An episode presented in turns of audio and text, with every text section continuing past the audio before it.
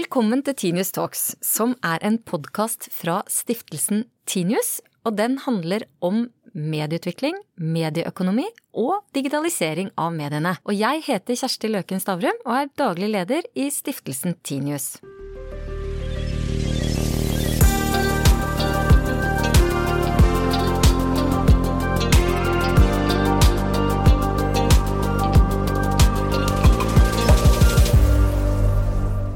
Skal vi snakke om et land, rett og slett. Og det landet det, det dukker ofte opp eh, i kjølvannet av samtaler om eh, teknologi og digitalisering. Snakker vi en stund om Facebook og Google og Amazon, og så blir det litt stille, og så sier man og så må vi huske på Kina. Og det skal vi huske på nå i denne episoden. Og til å snakke om det, så har vi invitert med oss Torgeir Waterhouse, som er direktør for internett og nye medier i IKT Norge, og Kristoffer Rønneberg, som har vært tidligere Kina-korrespondent for Aftenposten, men som har studert Kina og reist mye i Kina i mange år. Velkommen til begge to. Altså, kan man beskrive Kina eh, som global eh, teknologaktør? Altså, er det noe som særkjenner Kina, Kristoffer? Jeg tror vi kan si at Kina endrer seg veldig som eh, aktør eh, innen teknologi. Tidligere så var det jo verdens eh, verksted, hvor landet produserte veldig mye av det Vesten bestilte fra dem av teknologiprodukter.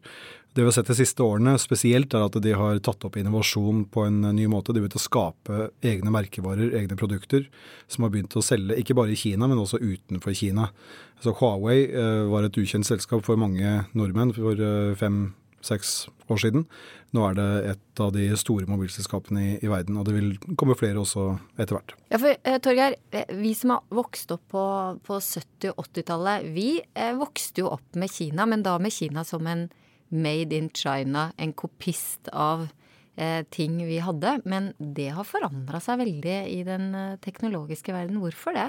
Det har, jo mye med det som Kristoffer sa å gjøre. Altså at, at, man i Kina har gått fra å være en, en, produsent av fysiske varer og glidd over i digitale produkter og teknologiprodukter. Og så da gått fra det til å lage egne også.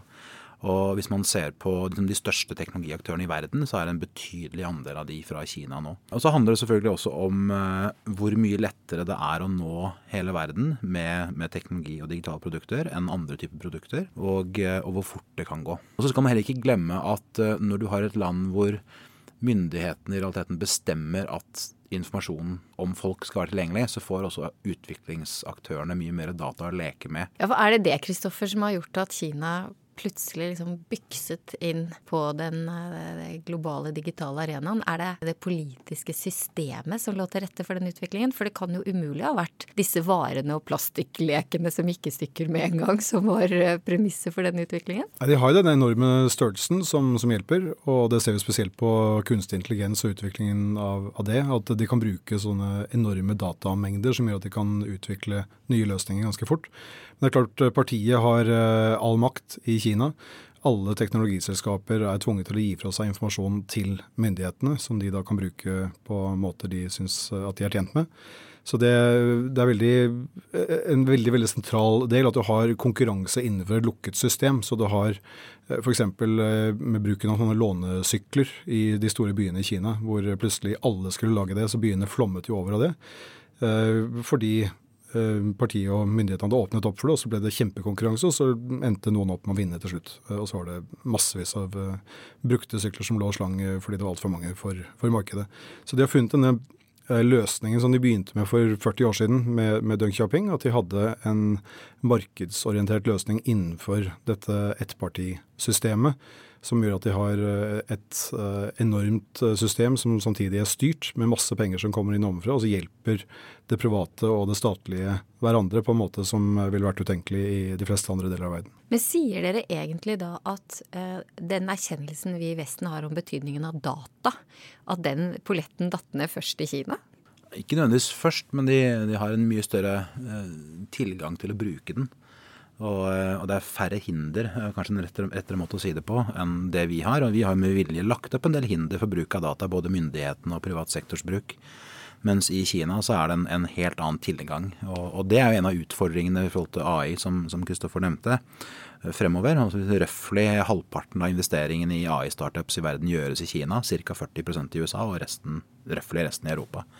Og, og, det er jo tre veldig forskjellige områder med tanke på tilgang på data, personvern, sikkerhet rundt data osv. Og, så og det er klart det kan gjøre at Kina virkelig får et forsprang på resten av verden i, eh, på det, det feltet.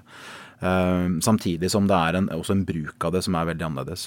Og Vi ser allerede nå, med, med tanke på både størrelsen på markedet, altså antall mennesker i Kina, hvordan det rigges og hvordan det utvikles, så er nå, hvis jeg husker rett, ni av de 20 største internettselskapene i verden er kinesiske. Vi skal ikke glemme at uh, mye av dette er jo også basert på at uh, kineserne har, har, fått en sånn delvis gratisreise på, på, på deler av dette ved at de har så mange, spesielt amerikanske store teknologigiganter, som har ønsket å ha en tilstedeværelse i Kina, og som enten har blitt tvunget til å gi fra seg uh, informasjon om hvordan de lager produktene sine, eller fått det frastjålet. Og at det liksom er grunnmuren for mange av de store kinesiske teknologiselskapene, inkludert uh, Huawei, som har vært involvert i en, en feide med Motorola med beskyldninger om, om tyveri av, av deres, uh, deres produkter.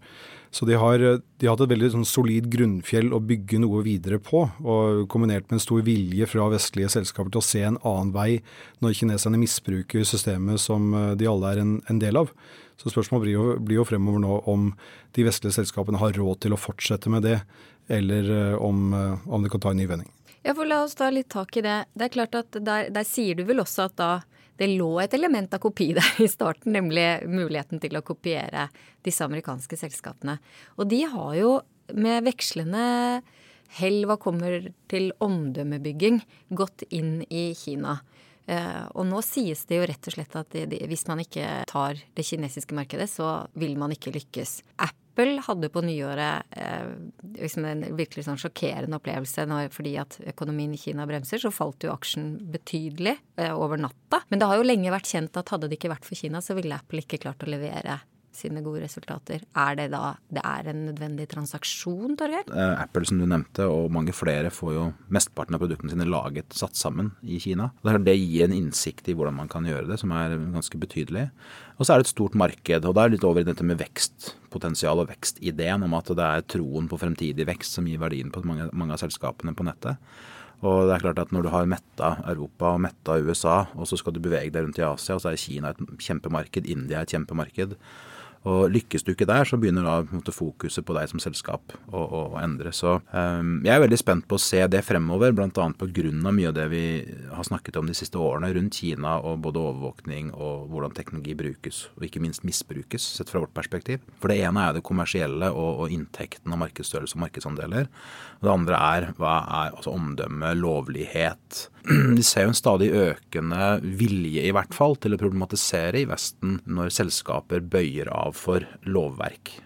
Det er veldig interessant å oppleve hvordan man eh, Nå senest eh, så var det en, eh, en sak med Netflix i forhold til Saudi-Arabia, hvor de fjerna en episode av en, av en, en serie med, med standup-shows. Og med en gang så kommer politikere i Vesten ut og sier at det kan dere ikke gjøre. Og så må de si jo, vi er inne i et marked, vi er inne i et land, der er det lovverk, det må vi følge hvis vi skal være der. Og det er litt av den utfordringen de vestlige selskapene kommer til å ha fremover i forhold til og nettopp å gå inn og ta disse store markedene.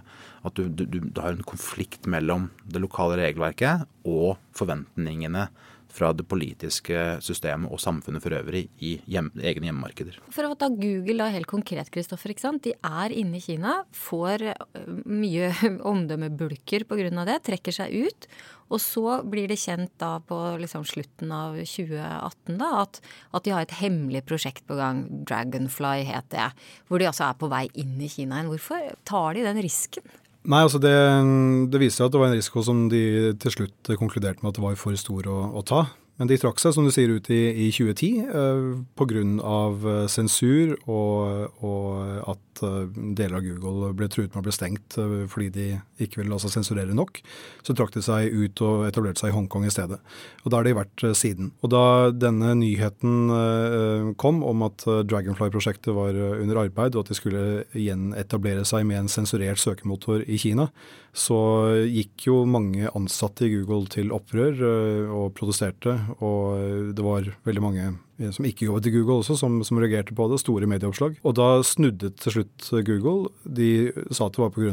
andre årsaker, men, men, det er klart at det presset som som, eh, som Torgeir er inne på, som, som har lukket opp i, i Vesten, at, at, man er mer bevisst på disse motsetningene mellom hva et lukket system som Kina representerer, og hva de vestlige teknologigigantene, som har som utgangspunkt å gjøre verden mer åpen, når den konflikten dukker opp så tydelig som den gjorde med, med Dragonfly-prosjektet, så, så, har i hvert fall det tippet over på våre vestlige verdiers side Eh, denne gangen i hvert fall. Men så ser man andre selskaper, som LinkedIn f.eks. De eh, er helt åpne på at de sensurerer sin kinesiske versjon. Og folk som har LinkedIn-kontoer eh, i Kina, får stadig beskjed om at den er stengt i det kinesiske markedet, selv om de kan bruke den i andre deler av verden. Ja, det må vi bare akseptere, Torgeir. Ja, ja. Men uh, du kan jo snu på det. Du kan jo begynne å tenke over hvilke av våre lover syns vi det er greit at selskap fra andre land ikke følger pga. sosialt eller markedsmessig eller politisk press i det landet de kommer fra. Under den såkalte arabiske våren så, så skjedde jo akkurat det samme når mobile aktører i f.eks. Egypt fulgte pålegg fra myndighetene med utgangspunkt i lovverket lokalt og stengte tilgang til internett, så ble det masse støy fra, fra myndigheter, bl.a. i Europa. Særlig i England så var det mye støy, og sånn kan man ikke holde på. Dere er europeiske selskaper, dere må følge våre verdier og våre regler. Og Det paradoksale da var jo at samtidig som det ble kritikk fra England mot bl.a. Orange, så, så, vurderte David Cameron å pålegge sosiale medieaktører å stenge ned meldingstjenester i bestemte geografiske soner i storbyer i England for å unngå ungdomsopprøret.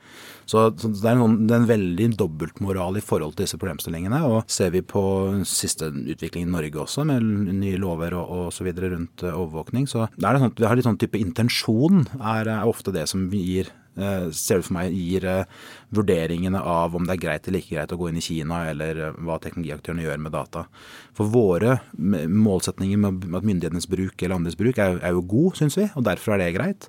Mens de andre er de slemme. Så vi er fremdeles tilbake til altså, de hvite og svarte cowboyhattene, og hvem er, det, hvem er vi på lag med, og hvem er vi ikke på lag med. Ja, og med, med din kjennskap til Kina, Kristoffer, vil du si at det, det at app Apple og da Google eventuelt, eller andre av disse store vestlige selskapene er inne i Kina, vil til syvende og sist hjelpe en utvikling i Kina? Tror du på det, eller er det egentlig bare helt fåfengt? Utvilsomt at teknologiselskapene vil hjelpe den økonomiske utviklingen. Eh, men det vi har tenkt eh, Altså den, den store oppdagelsen, tror jeg, blant eh, mange Kina-kjennere og observatører, spesielt det siste året, men det har egentlig pågått i, i noen år, er at antagelsen om at økonomiens vekst også ville føre til en politisk utvikling i Kina, at den uh, ideen må bare gravlegges med en gang. Så selv om man da ser at uh, de vestlige teknologiselskapene kan bidra til å løfte Kina økonomisk og gjøre at uh, mange kinesere får Eh, får det eh, mer komfortabelt økonomisk, kan kjøpe flere ting, kan leve bedre eh, liv økonomisk, så vil ikke det føre til, i hvert fall ikke automatisk, at, at man får det friere i Kina. Og selv om man jo har mye å kritisere også i Vesten for måten samfunnet overvåkes på, måten teknologi kan brukes mot borgerne på, så henger det jo litt sammen også. Hvis man aksepterer sensur i andre land, og aksepterer at vestlige selskaper sensureres i andre land, så blir jo også terskelen lavere for å godta den type tiltak i, i våre egne land. Uh, Huawei har vært nevnt uh, et par ganger uh, som stort kinesisk mobilselskap, som, som, jo mange er kjent med i Norge. det er noen andre kinesiske store selskap som man bør kjenne til, og da er jo WeChat et av dem. Jeg lasta det ned for noen år siden, og da fikk jeg umiddelbart mye tull med mobiltelefonen og ble selvfølgelig litt paranoid av det. Men, men Torgeir, er, er WeChat alle teknologiselskapers drøm, på et vis? Altså det er jo det er alltid fascinerende å høre store store aktører som dominerer i sitt felt, si at de ønsker konkurransen velkommen, for de ønsker at, at noen andre skal ta markedet deres. Eh, så, så, ja, på mange måter. Og ser vi på internett, eller etter internett, så har jo litt sånn winner takes all-utslag eh, i mange segmenter. Og WeChat er jo på mange måter et eksempel på det. Over en milliard brukere i ett land, i all hovedsak. Og, og, klarer å integrere mange tjenester i det som i utgangspunktet var en, en ren chattetjeneste eller meldingstjeneste. Så mange ser til det, og det er klart at det er en god del av det som foregår i Vesten også med meldingstjenester, som er litt sånn type kopi av det. Og, og det er noe av det jeg syns er interessant å se fremover også, i hvor stor grad vil dette med at Kina kopierer oss i Vesten, begynne å gå tilbake igjen. Altså når er det vi begynner å Eller ha, vi har kanskje allerede begynt å, å, ta etter de selskapene og de store tjenesteleverandørene. Og da er jo nettopp en tjeneste som WeChat et godt eksempel, hvor man integrerer alt. Hvor vi igjen har tilbake til myndighetsproblemet, selvfølgelig. Og Kristoffer nevnte at, at kanskje vår aksept for myndighetenes innsyn osv. øker når vi, når vi er vant til å akseptere at, at selskaper fra Vesten bidrar til det i Kina. Vi ser jo allerede nå, eh, etter Snowden, så har det skjedd mye ting. og Det er mye å diskutere rundt Snowden som vi ikke trenger å gå inn i her. Men konsekvensene er at det har blitt mye mer fokus på kryptering. Og så begynner med en gang myndighetene i Europa å snakke om det problematiske med kryptering. For myndighetene har jo ikke lenger fri tilgang til data som man har lata som man ikke var ute etter å ha. Så, så, og, jo, og, Det ligner veldig på problematikken med WeChat, hvor det er myndighetenes tilgang og overvåkning og sensur. Uh, og det er det en del i Europa som ønsker å ha på tjenestene som brukes her også. Ja, For WeChat er rett og slett nærmest et lukket system hvor du kan leve hele ditt digitale liv inne i WeChat og gjøre uh, handler innenfor dette. Og gir egentlig For den som følger med på WeChat, så har man en ganske sånn full kontroll, Kristoffer, har man ikke det? Altså, det er et utrolig fascinerende system. Jeg var i Kina nå i oktober for første gang på, på en god stund og, og, og, se hvordan samfunnet har gått fra å være nesten utelukkende cash-basert. Altså, da jeg bodde i Kina, måtte jeg betale husleiene cash. altså Alt var uh, cash, og den største enheten var uh, 100 yuan, som tilsvarer omtrent 100 kroner. Så det ble store sånne hauger med, med røde lapper hvis man skulle gjøre, gjøre betydelige innkjøp. Mens nå foregår alt på mobilen med WeChat. Og det er, eh, de bruker sånne eh, Det ligner på QR-koder. ja. Eh, fra drosjer og butikker og overalt så kan man bare skanne med mobilen, og så har du betalt. Og, og det har virkelig revolusjonert måten transaksjonene foregår på i, i, Kina. Og det er bare ett av de mange fasettene som, som WeChat utgjør. Så det selskapet Tencent som eier WeChat, har blitt et av Kinas aller, aller største nå. Ja, ikke sant. Og jeg så også at eh, det ble nevnt at eh, WeChat kan faktisk eh, liksom ta over Visa eller Amex sin rolle i den globale betalingsøkonomien. Det er jo litt skummelt, fordi nå har jo vi snakket om hvordan kinesiske myndigheter har kontroll på kineserne innenfor sine, sine digitale selskaper. Men har de litt kontroll på oss òg? Ja, altså, og det er mange, mange land, hvis man, skal, hvis man, tar utgangspunkt at myndighetene i et land har en viss kontroll over selskapene som er i det landet, eller fra det landet, så, så ja. Og, og, det gjelder flere land. Så Amex og Visa jo, og Mastercard er jo selskaper som er rotfesta i USA, og det er jo ikke så lenge siden eh, myndighetene i USA begynte å pålegge de å ikke formidle penger til eller fra organisasjoner som vi i Norge reagerte kraftig på at ble, ble, satt på en liste over sånne selskaper. Så det er alltid en risiko, det er uansett hvem du, du har med å gjøre. Og det er noe av det interessante syns jeg med Kina. For mye av debatten rundt Kina i, i Norge ligner veldig på spionfilmene fra 60- og 70-tallet. Altså hvor du har en veldig en klassisk deling på hvem er de gode, og hvem er de onde. Og, og hvor vi mer enn gjerne aksepterer det fra, fra, de gode, det vi virkelig kritiserer de onde for. Og, og det er noe viktig å ha med seg også inn i debatten og fokuset rundt selskapene fra Kina. Så skal vi definitivt ikke undervurdere risikoen. Enten det går på for den enkelte eller for et selskap, eller for den del bare at hvis de har kontroll over om det er betalingstjenester eller andre typer tjenester, og bare kan slå de av. Det skal jo ikke mange timene uten fungerende betalingstjenester i Norge til før vårt samfunn stopper opp. Og, Det er en vurdering vi må gjøre som nasjon, uansett om det er Kina eller andre som er kilden til tjenester vi bruker. Er vi, er vi interessert i eller villige til å gjøre oss selv såpass sårbare at, eh, at, lovendringer i andre land kan påvirke om betalingstjenestene våre fungerer eller ikke. Ja, Det er jo et stort spørsmål og en stor diskusjon, men det er også i kjølvannet av det interessant å ta tak i det du sier, at vi, at vi ser på Kina så, i sånn sort-hvitt-tenkning. og Vi senker stemmen litt, så må vi huske på Kina. Og da skjønner alle nærmest sånn implisitt hva, hva, vi sikter til, og det er ikke bra. Men samtidig så er det jo fra Facebook, men også fra Google, de dårlige nyhetene kommer om brudd på personvern, om data som fyker i retninger de ikke skulle, Kristoffer. Så, så, hvor mye verre er egentlig de angivelig kinesiske Altså Det er klart at det ikke er svart-hvitt, men eh, jeg vil likevel si at det er veldig store forskjeller. Eh, jeg så på, på Twitter tidligere i dag eh, om en, en, fyr i en kinesisk by som har fått en bot på rundt 1000 kroner fordi han hadde installert et, et VPN verktøy på mobilen sin for å komme seg rundt brannmuren som er installert for alle kinesiske brukere. Så fordi han oppsøkte informasjon som partiet ikke ville at han skulle ha, så ble han bøtelagt for det. Og andre har fått verre straffer i Kina. Så det er jo ganske langt fra det vi har her til, til uh, det de har der. Forskjellen er ganske stor, for utgangspunktet her er jo at det skal være privat, at det skal være ditt. Og så blir det lekket og forsvinner ut fra, fra din sfære, og da er det problematisk. Men det blir jo kjent fordi vi har et såpass åpent system og en eh, presse som kan fortelle om det. Eh, og det er en overraskelse, og det er negativt, og man krever at eh, man gjør ting for å forhindre at det skjer.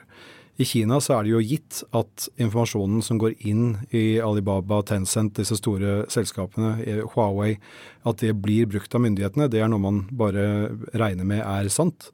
Så enhver kineser eller enhver person som opererer innenfor det kinesiske markedet, må jo bare regne med at alt de gjør på internett blir overvåket. Så kan man jo si at man kan kanskje regne med det utenfor Kina og i, i land som våre også, men her er det noe man ikke vil. Mens i Kina så er det sånn det er, fordi det er sånn partiet har bestemt at det skal være. Så jeg syns forskjellene er ganske store, selv om nyansene selvfølgelig er eh, mange. Ja, og det er noe av det som er så viktig med det, å se hva er de reelle forskjellene.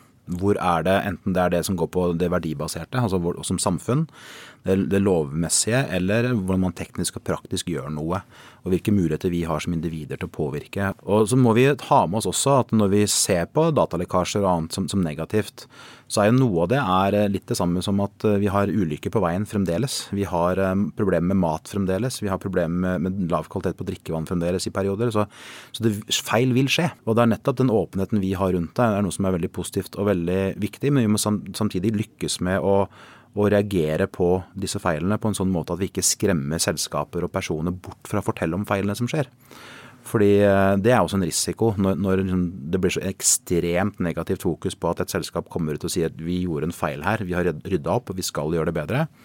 Så, så, i verste fall så, så, lar man være å si fra. Og det har man hatt mange eksempler på at vestlige selskaper ikke tør å si fra fordi at det har så enorm konsekvens på børsen, eller myndighetene kommer med et eller annet lovverk som står i veien for tjenesteutvikling, eller hva det måtte være. Så ser man jo da når, eh, når høringen i Kongressen i fjor eh, skulle invitere de store, eller sjefene for de store teknologiselskapene, og da Twitter-sjefen nektet å komme, så plasserte de jo en tom stol med navnet hans foran for å liksom shame ham til å kanskje stille neste gang. Så det, det, er jo et press der som er eh, betydelig, og som, som, jo er positivt. Men det er viktig samtidig at det presset brukes riktig. At man faktisk får til å, å, å, å hva skal jeg si, få selskapene til å ta dette på alvor på rett måte. At man får samfunnet til å utvikle seg rett vei. At ikke vi ender opp med at det blir en skjult datahåndtering fordi man er redd for omtalen når data håndteres. Og mye av dette er også, for, særlig for vår del vil jeg si i Vesten, som nettopp har denne frivillige tilnærmingen til databruk, så handler det også om læring. Vi ser jo på alle disse tjenestene og databruken på en helt annen måte nå enn for to år siden, eller fire år siden, eller seks år siden, eller åtte år siden. Så vi er i kontinuerlig prosess og læring. Men som Kristoffer sa, i Kina så er det veldig enkelt myndighetene tilgang, ferdig. De største teknologiselskapene i verden de er amerikanske. Er liksom, De har pallen og litt til. Men så begynner de kinesiske å komme. ikke sant? Er, som nevnt, eh, ni av de 20 største er kinesiske. Og Alibaba er jo et annet selskap som, som, på en måte kanskje også er representant for det man sier at for hvert store amerikanske selskap så fins det noe som ligner som er kinesisk. Eh, og, og det fascinerende med Alibaba er jo da at denne gründeren Jack Ma har blitt nærmest en sånn ikonisk eh, figur i Vesten. Eh, deltar på World Economic Forum, sier gode ting. Du finner sånn quotes, gode sitater fra Jack Ma finner du på nettet, ikke sant. Og, eh, og han er eh, på en måte blitt da en, kanskje en sånn ja, en god ambassadør for, for den kinesiske digitale reisen. Jeg så for øvrig visjonen til Alibaba, syns jeg var veldig morsom. Eh, jeg har ikke sett en formulering som, som egentlig ligner på den.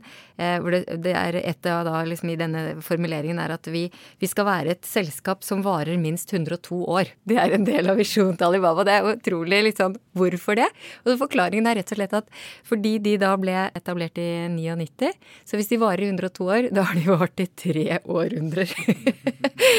det er vel sånn For alle som har vært med på visjonsprosesser, så var det en ganske festlig formulering, syns jeg. Men eh, hva er det med Jacques Ma, Kristoffer, som, som, har gjort at han har fått et sånt, gitt Kina et veldig sånn menneskelig ansikt, da? Han er jo et, eh, et talent eh, som, som, er helt unikt. altså Veldig karismatisk. Lærte seg engelsk i ung alder da han var Han vokste opp i en by som heter Hangzhou, en vakker by litt sørøst for, for Shanghai. Og lærte seg engelsk ved å snakke med utenlandske turister som, som var der og syntes at det var viktig at han skulle kunne snakke engelsk. Så han snakker engelsk perfekt nå. Det, jeg kapret ham i, da jeg var i Kina nå i oktober. Så hadde jeg vært på et møte med det norske kongeparet og var på vei ut.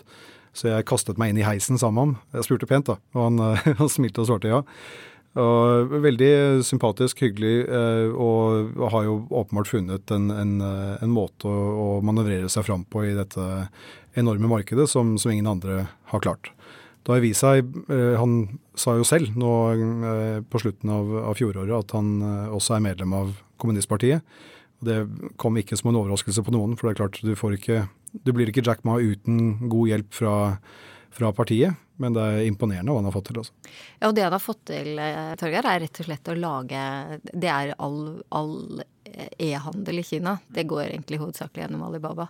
Ja, og veldig mye e-handel utenfor Kina. Eh, og, eh, og den ligger bak, bak, veldig mange andre tjenester. Som du sa, i Kina så finner man gjerne en, et speil av eh, en, et selskap fra USA. og og Alibaba er mange selskaper fra USA i et uh, stort konsern.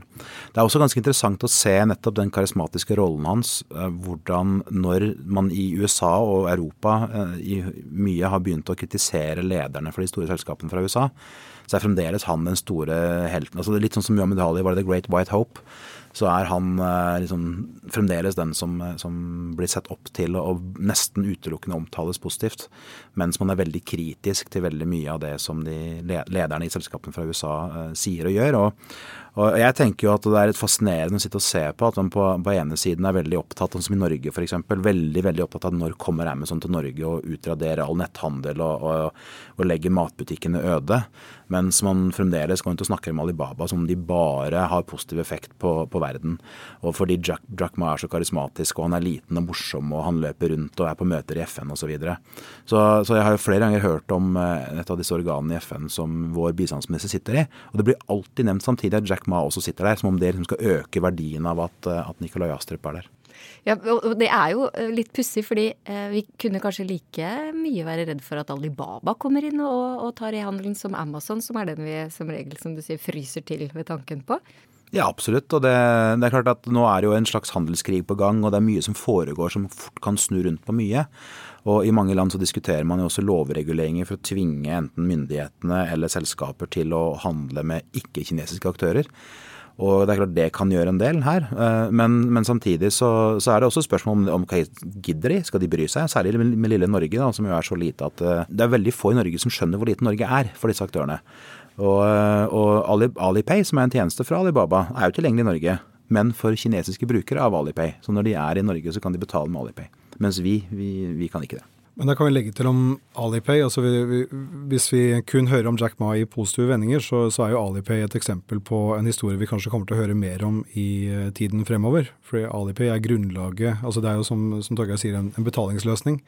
Men den er også en, eh, en, slags bonusordning. At du får eh, poeng for eh, måten du handler på, måten du, du opptrer på i, i Alibaba-systemet. Og jo flere poeng du har, jo, jo, bedre rabatter får du, jo lettere får du lån i Alibaba-bankene. Og jo bedre mennesker blir du ansett for å, for å, være. Og Det systemet som er bygget opp i, i Alibaba, det er noe av det som kinesiske myndigheter nå håper å videreutvikle til et nasjonalt system med poeng, som de kaller eh, et sosialt kredittsystem. Hvor du da også skal, ut ifra måten du oppfører deg på i samfunnet, får du en trafikkbot eh, f.eks., sniker du på trikken, så vil du bli trukket i poeng. Mens hvis du betaler lånene dine i tide og, og ikke uh, gjør noe du ikke skal, så, så, får du flere poeng. Så her har Alibaba klart å lage liksom, grunnstrukturen for, uh, for det vi etter hvert har fanget opp litt om, nemlig, nemlig at kineserne vil bli, være på en sånn kronisk evalueringsprosess overfor eh, de statlige myndighetene? Ja, det var det jeg spurte ham om i heisen den gangen. Eh, hvordan han mente at dette var eh, til gode for, for samfunnet.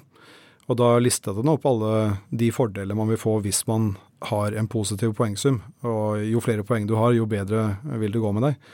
Og så var heisturen dessverre for kort til at vi rakk å ta for oss den, den andre siden av den medaljen der. Og det er ikke helt sikkert vi egentlig trenger svar fra Jack Ma for å forstå hvorfor det ikke er bra for samfunnet eller den enkelte.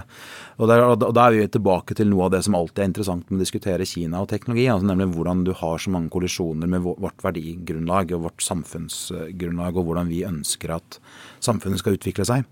Og Det som jo også er en, en utfordring her, er jo som vi ser med mange av de store kinesiske selskapene, bl.a. Alibaba-systemet og Tencent som vi var innom, er jo at uh, der vi i, i, i, vår sfære har uh, bonuspoeng på fly, du har en scoring på, på Airbnb, du har en scoring på, på eBay hvis du handler der osv. Så, videre, så har, har man i de store kinesiske aktørene det overalt. Det glir sammen til ett. Og, og det er en enorm forskjell på å være en ubrukelig fyr på et fly å være en ubrukelig fyr på Airbnb eller å være dårlig til å handle på nett. Så det å se disse tingene hver for seg, og se rollene til menneskene uavhengig av hverandre, altså om de er er du forelder, er du, er du ansatt, er du kunde, er du borger osv. Det er viktig for oss. Mens i Kina så glir det sammen. Og det er klart det at når, når man får dette, dette fremtidssamfunnet som, som vi ser på med skrekk, så er det også interessant å diskutere vil det bety noe utenfor Kina. Vil det påvirke oss på noe vis, eller vil det bare påvirke kinesere som bor i Kina eller andre steder i verden? Og hva gjør det med kineserne rundt i verden, som vi også har noe med å gjøre i det daglige, hvis de er en del av det systemet, eller når de er en del av det systemet? Men Kristoffer, er ikke det Jeg bare tenker at Som, som Torgeir sier, er allerede, vi lever jo med bonuspoeng her òg, og vet jo at hvis vi får en dårlig vurdering på på Airbnb, så, så, går det oss ikke så godt i den tjenesten. Og vi vet jo at data sklir på tvers mellom disse selskapene også, så, så hva, er, hva, er, verst? En, et usynlig system som egentlig du blir vurdert opp mot, eller at du rett og slett vet som kineser at alt jeg gjør blir faktisk fanget opp, og jeg bør forholde meg til det? Altså, vi er jo også et produkt av våre handlinger og, og måten vi blir eh, ansett på i samfunnet av, eh, av folk vi, vi, omgås med. Men eh, jeg, jeg tenker igjen altså nyansene er, er, ganske betydelige her. da. Jeg har snakket med menneskerettighetsaktivister i Kina som ikke lenger får reise med tog fordi de har sagt ting og skrevet ting som er i strid med hva partiet ønsker at folk skal lese.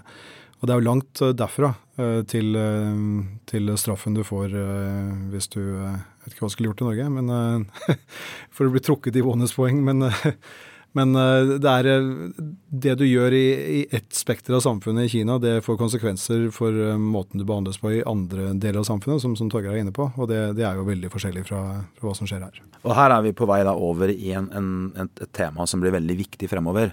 Det er hvordan dette bør og må påvirke all politikken vår. Altså om det er utenrikspolitikk, om det er forsvarspolitikk eller justispolitikk, om det er mediepolitikk osv. Og, og forstå konsekvensen av at veldig mye av det vi før kunne se, det ser vi ikke lenger. For det foregår foregår digitalt i det skjulte. I det skjulte for, men, for oss mennesker, og hver enkelt av oss. Og eh, der vi før ville ha et angrep som Vi har snakket om Russland kunne angripe Norge for de kan komme over grensa. Så er det like enkelt for Kina nå å angripe Norge som det er for Russland. Fordi at det foregår digitalt. Men vi kaller det ikke krigføring, vi kaller det noe annet osv. Så videre. så, sånn at den, den, maktkampen som også foregår digitalt på nasjonsnivå, den er veldig interessant i dette perspektivet. Og må i mye mye større grad inn i politikken vår og inn i samfunnsdebatten vår. Og Kristoffer, du har jo stått tett på um, utviklingen, endringen av Norges forhold til Kina. Tror du at Norge kan eh, stå opp mot disse tingene?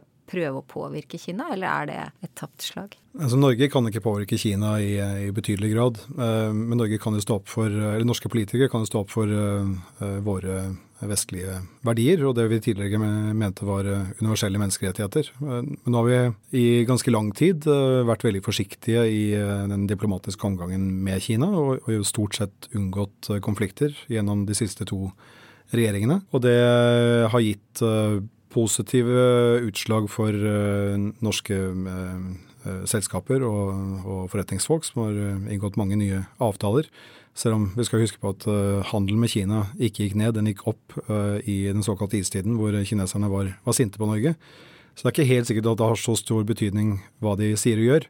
Men jeg tror at vi kommer til å se en endring fremover, kanskje også fra Norge. For vi ser det veldig tydelig i USA nå. Det Trump uh, har satt i gang med ikke bare handelskonflikten, men med konflikter på alle mulige fronter mot Kina, det er en av de tingene han ikke kritiseres for av uh, verken andre ledere i verden eller av uh, folk i, i USA.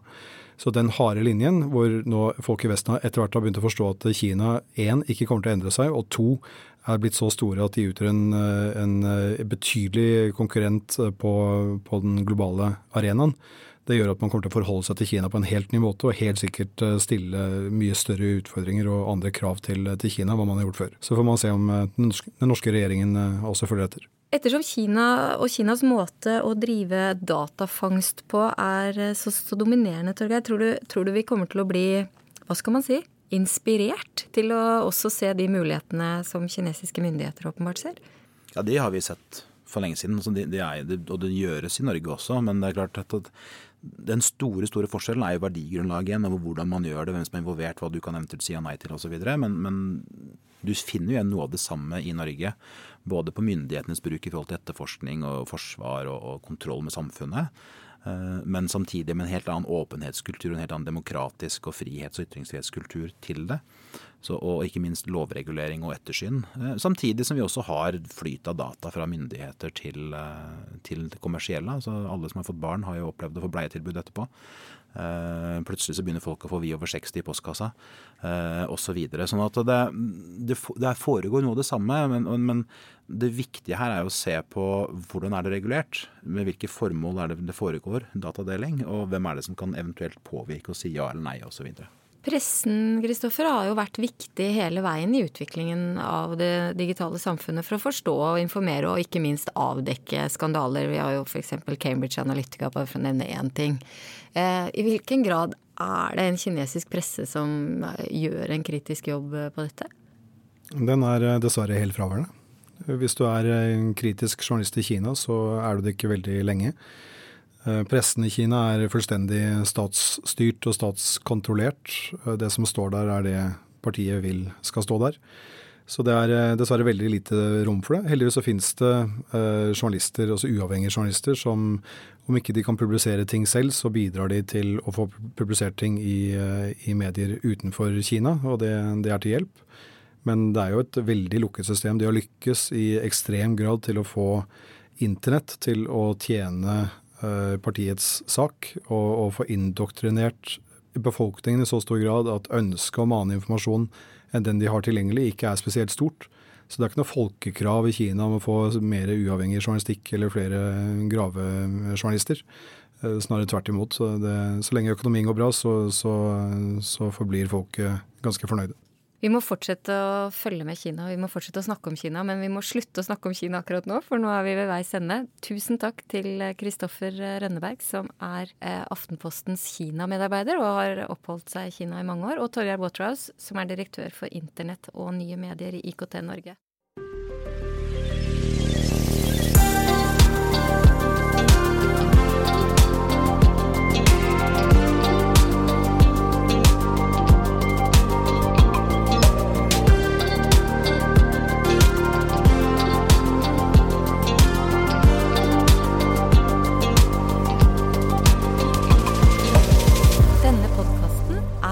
Produsert av Hansine Korslien for Stiftelsen Tinius.